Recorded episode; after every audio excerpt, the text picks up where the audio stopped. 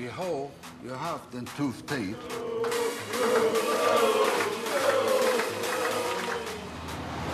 Vi är tvungna att säga upp personal. Åh, jävla idiot! Det är du vad som du är! Fuck jävla CP! Fan! Ja, Den svenske filmen 'Spise, sove, dø' har premiere på norske kinoer i kveld. Den skildrer livet som ung og arbeidsledig i en liten by i Skåne. Filmen har fått gode kritikker både i Sverige og i Norge, og fikk bl.a. fire Gullbagger tidligere, tidligere i år, altså svenskenes eh, Amanda-pris. Regissør Gabriella Pichler, velkommen til Kulturnytt. Tack så mycket. Kort først, hva, hva handler filmen om? Ehm, filmen handlar ganska eh, kort om eh, en ung tjej på, på svensk, skånsk landsbygd. Eh, hon eh, bor sa tillsammans med sin pappa. Eh, hon jobbar på fabrik. Hon tvättar rucola-sallad. men, men trivs bra. Eh, men det är ganska dåliga tider och det kommer en dag då de har en stor uppsägning på fabriken. Och hon mister jobben? Ja, det är en hel del som mister jobben och vad som händer då när man tvingas in i den här arbetsmarknaden. Detta är din eh, debutfilm som regissör. Mm. Eh, hvordan syns du mottagelsen har varit? Oj, jag, jag hade inte kunnat önska mig en bättre mottagelse än, än vad jag har fått. Faktiskt. Det, det har varit överväldigande på alla sätt. Och fyra Gullbagger alltså för både bästa film, bästa regi, bästa manus och bästa kvinnliga huvudroll. Ja. Varför ville du laga denna filmen?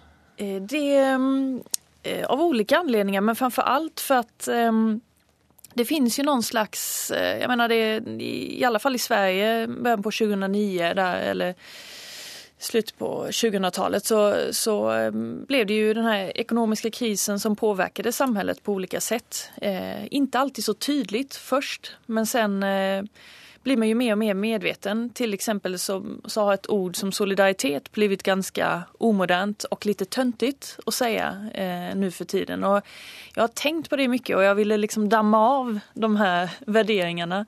Men framförallt så var det att jag, ehm, det var en hel del varsel uppsägningar på gång och jag ville veta vad bakom alla de här siffrorna som 100 personer från den fabriken, 50 personer från den vem är individen bakom alla de här siffrorna? Vem, eh, vem drabbar det? Vad, vad händer med den mannen som har stått 50 år, äh, vad säger, 30 år och, och monterat fast en, liksom en plastbit på en instrumentbräda i en Volvobil och, och nu helt plötsligt får gå och måste till Arbetsförmedlingen för att skriva CV och, mm.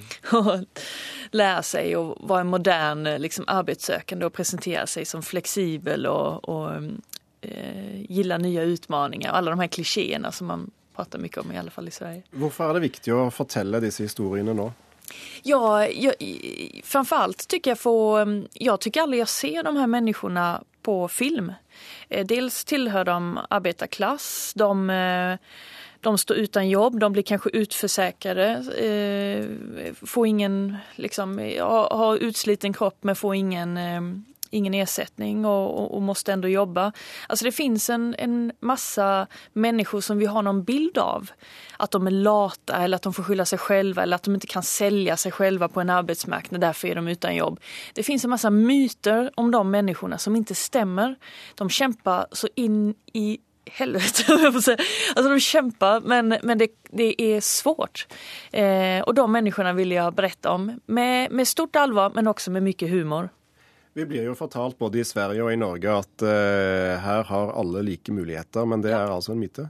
Ja, det, det, tycker jag. Och det, det behöver vi bara fråga oss till exempel här på radion eller på vad, vilka är mina kollegor? Har vi samma slags ursprung? Har vi samma slags föräldrar som, som är akademiker eller som var eh, journalistkåren i sig är ganska homogen, i alla fall i Sverige. Eh, ofta medelklass över medelklass. Samma med filmbranschen, väldigt homogen.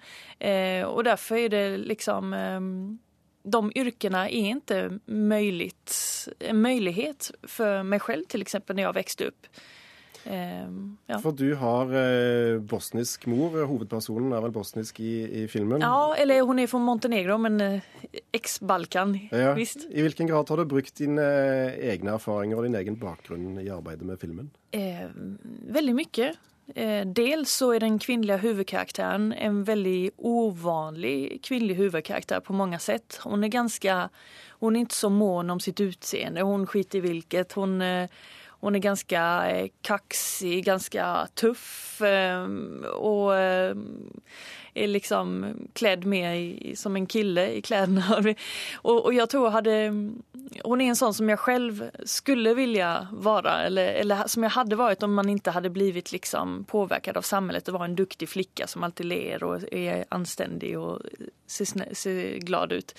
Eh, så dels det men, men också eh, jag själv jobbar på fabrik, mina, mina, min mamma var, var städare eller vaskedame och, och pappa jobbade på bygg, som byggarbetare. Och, eh, under min uppväxt var det liksom, jag ville bli som han. Jag ville också hålla på och snickra eller bli lastbilschaufför. Det var min dröm.